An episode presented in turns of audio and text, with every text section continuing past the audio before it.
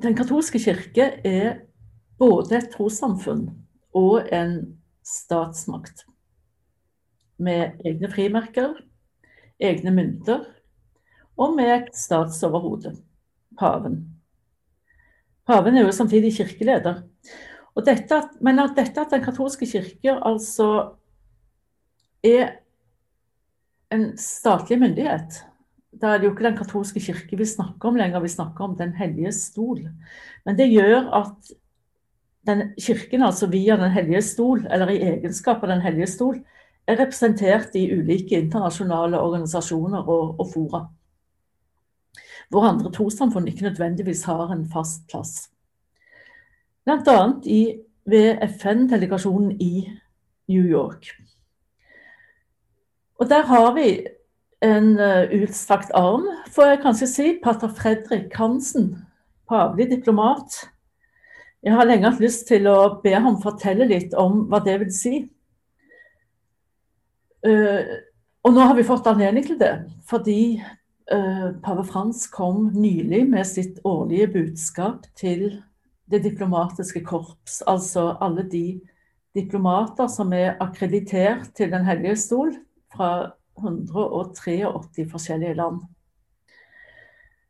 Pater Fredrik, kan du si litt om både livet som pavelig diplomat og om dette eh, årlige budskapet fra paven? Kanskje vi skal ta det årlige budskapet først. Hva er det for noe, dette her, som sjanger og, og innholdsmessig? Hva, hvilken betydning har det? Først og fremst, eh, søster Anne Bente, tusen takk for at jeg får lov til å være med på denne podkasten. Det er faktisk første podkast jeg er med på i hele mitt liv, så dette er noe nytt og, og spennende for meg. Eh, tusen takk eh, for eh, at jeg har denne anledningen. Eh, på mandag eh, 8.2, som du sier, så avholdt eh, pave Frans høytidelig audiens med ambassadørene fra de 183 land i verden som har diplomatiske forbindelser med Den hellige stol. Eh, det er en audiens som vanligvis finner sted i begynnelsen av året, i januar. Men pga. Eh, korona og andre forhold så ble det i år avholdt altså denne uken, 8. februar. Og det er en audiens hvor eh, paven ønsker ambassadørene godt nytt år, og de sier det samme tilbake. Men i den anledning så holder paven en lengre tale, som ofte omtales som eh, pavens tale om verdens tilstand. Hvor han eh, omtaler relevante diplomatiske og politiske forhold og utvikling. Hvor han trekker de store linjene og analyserer verden slik han ser den og hvor han eh, gir et innblikk i alt det diplomatiske arbeidet som Den hellige stol har gjennomført i året som gikk.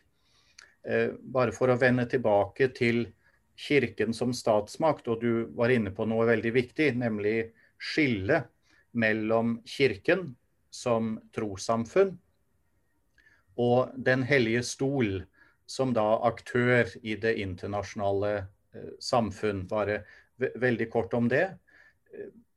Kirken, trossamfunnet, den katolske kirke, har som alle andre eh, trossamfunn i verden selvsagt ikke diplomatiske forbindelser eh, med noen. Eh, den norske kirke, jødedom, shia-islam eh, Ingen av disse har ambassader eh, noe sted. Det har derimot Den hellige stol, som er den formelle betegnelsen på paven som aktør i det internasjonale samfunn. Og paven har siden 300-tallet sendt og mottatt ambassadører, og så inngått internasjonale avtaler og tatt del i det internasjonale samfunnet. Og det er noe eh, paven ennå gjør.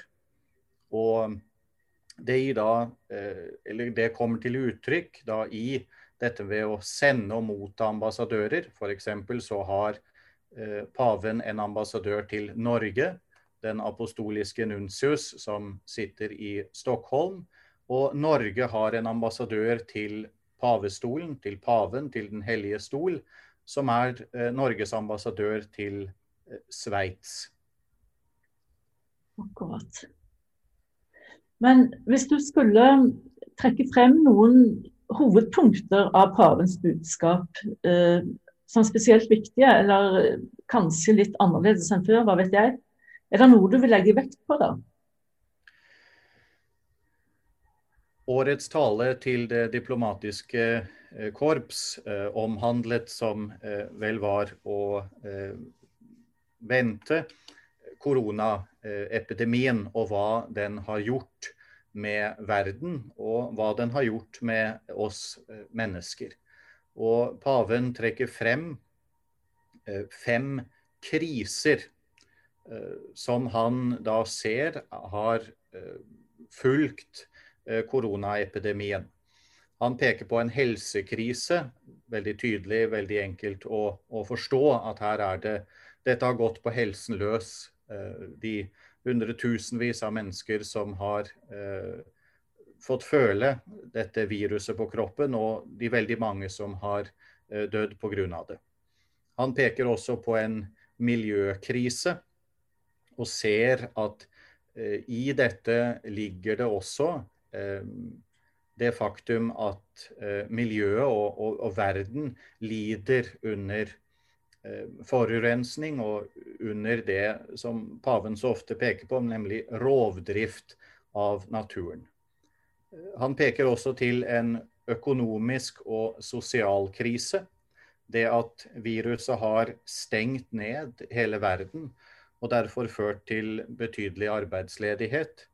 Betydelige vansker, ikke minst for de, de fattige land, som er eh, helt avhengig av, av hjelp og, og, og, støtte. Eh, også sosialt, i uh, alle verdens land, så har livene våre forandret seg. Paven peker også på en politisk krise, eh, og ser at eh, pandemien, også eh, viruset selv, har, har blottlagt en, en, manglende tillit mange steder mellom statsmyndigheter og befolkning, også internt i befolkningene. Og Til slutt så, så peker paven på det han kaller en krise i menneskelige forhold eller mellommenneskelige forhold, kan vi også eh, si. Hvor dette har påvirket hvordan vi, vi, lever og vi er og vi forholder oss til hverandre.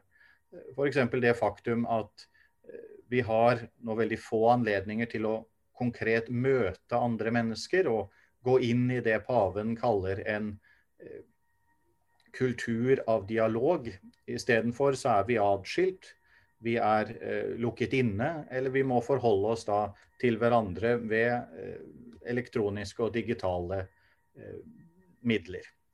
Så han peker på disse fem krisene, eh, ser at her er det store utfordringer, men, eh, men bærer også bud eh, om håp.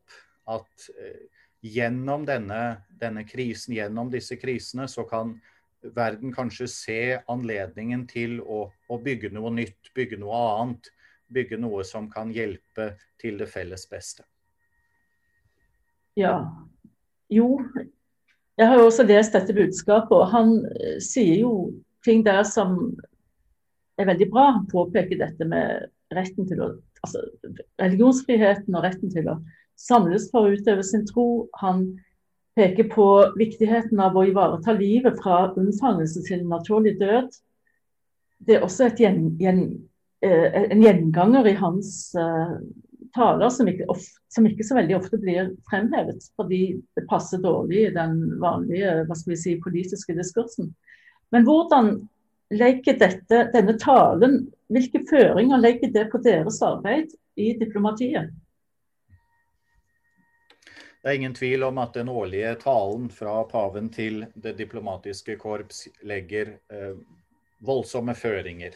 For dette er eh, ikke bare paven som analyserer og som trekker de store linjene, men det er også paven som peker eh, på hva som må være våre eh, prioriteter. Og da, eh, før jeg sier et par eh, ting om det, så bare for å si at her ved FN-delegasjonen i, i, New York, så er det mitt ansvar å følge det som gjelder menneskerettigheter, som gjelder internasjonal rett, som gjelder utvikling og som gjelder miljø. Dvs. Si at de komiteer og kommisjoner som møtes her ved FN-hovedkvarteret i New York, som forholder seg og diskuterer disse spørsmål, er, er det jeg driver med her ved pavestolens misjon til FN. Og det er ingen tvil om at paven i eh, sin tale virkelig peker på helt grunnleggende prinsipper. Grunnleggende prinsipper som, som styrer Den hellige stols arbeid i det internasjonale samfunn, og som veldig tydelig styrer det arbeidet vi gjør konkret her ved FN i eh, New York. Og du pekte på, på, eh, flere av de aller viktigste. Dette med å beskytte liv fra unnfangelse til naturlig død. Selvsagt et, et veldig omdiskutert eh, tema i det internasjonale samfunn, hvor dessverre mange både stater og også internasjonale organisasjoner har et, et, veldig annet syn enn hva Den hellige stol har. Eh, beskyttelse av eh, universelle menneskerettigheter, og da eh, en av de aller, aller viktigste, nemlig religionsfriheten, er også noe vi, vi stadig trekker frem.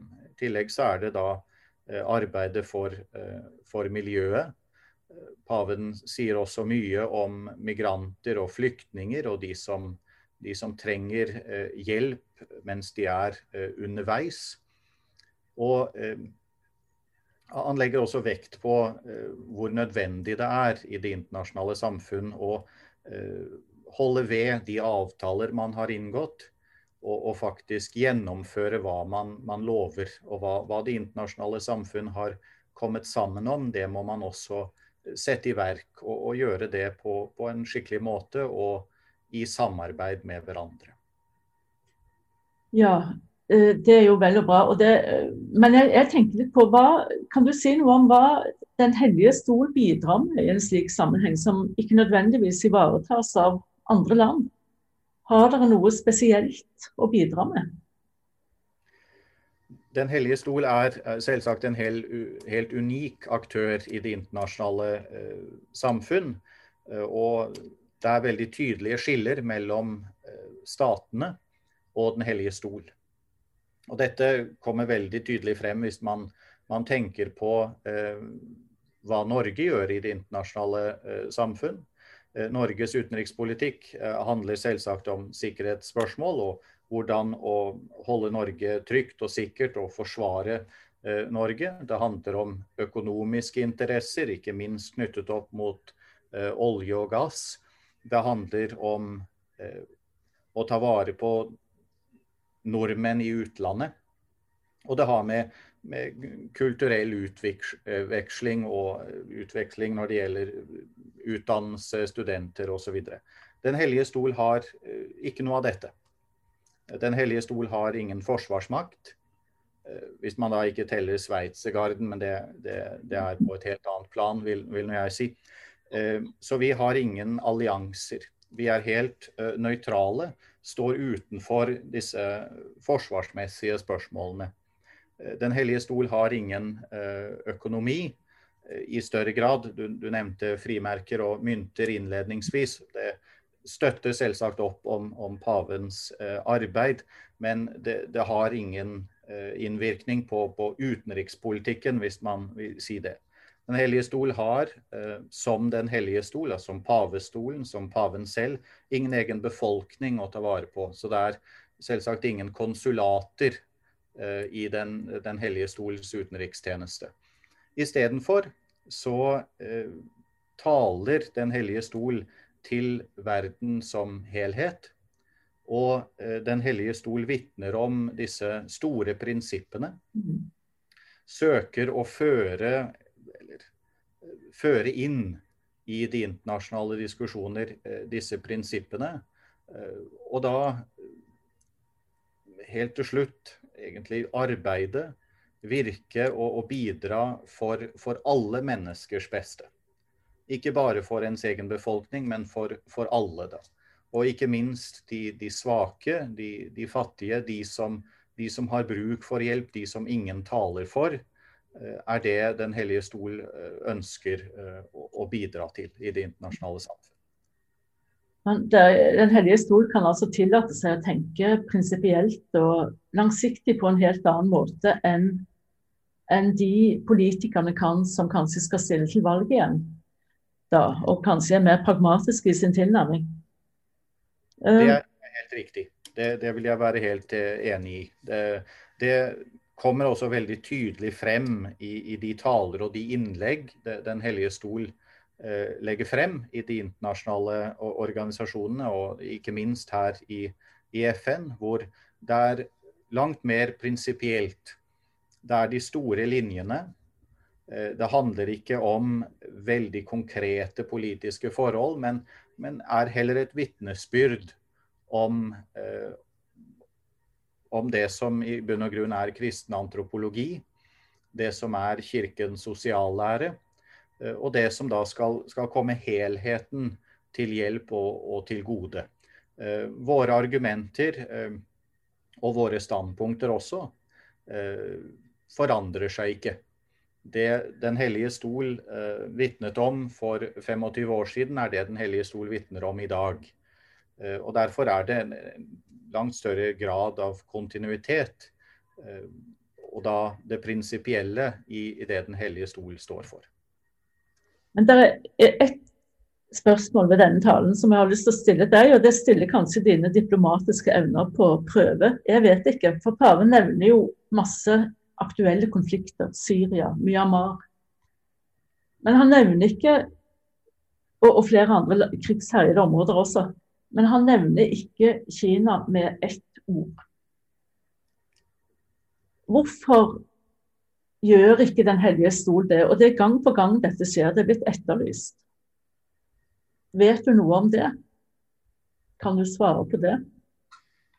Nå eh, hadde ikke jeg noen del i å utarbeide denne talen, men eh, hvis ikke jeg tar helt feil, så, så nevnes Kina én gang i, i, pavens tale. Og det handler om eh, den avtale som nå nylig ble fornyet mellom Den hellige stol og Folkerepublikken Kina om, eh, om utnevnelse av, eh, av biskoper i, i Folkerepublikken.